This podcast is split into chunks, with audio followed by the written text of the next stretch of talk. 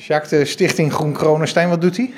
Uh, Groen Kronenstein uh, waakt over uh, de polder, de Kronensteinse polder. Zeg. Jullie hebben vandaag iets aangeboden aan de gemeente, een, een rapport, rapportage is het eigenlijk, hè? met allerlei argumenten waarom het park een monument zou worden, samen met de historische vereniging Oud-Leiden. Waarom hebben jullie dat dan gedaan?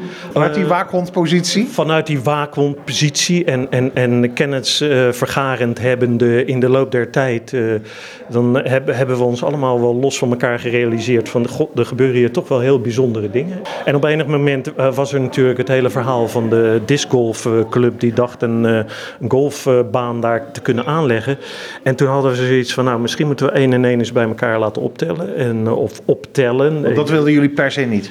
Nee, dat wilden we niet. En, en daar is een hoop energie in gaan zitten en eigenlijk zo van we, we moeten dat niet nog een keer krijgen van het is allemaal negatieve energie. Ik werk heel graag voor het park maar ik probeer dan liever uh, dit soort dingen voor te zijn. Dus we hebben als bestuur besloten van nou, daar gaan we, daar gaan we van proberen werk te maken.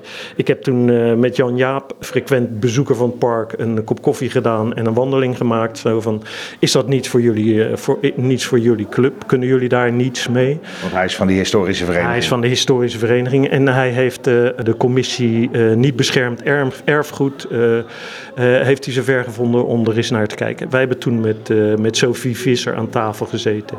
En die heeft uiteindelijk heeft dat geleid tot uh, het rapport wat de historische vereniging uh, net, net aan, uh, aan de wethouder heeft aangeboden. Waarin eigenlijk zoveel staat dat, dat de gemeente niet anders kan dan het gebied toch wel enige beschermde status te geven.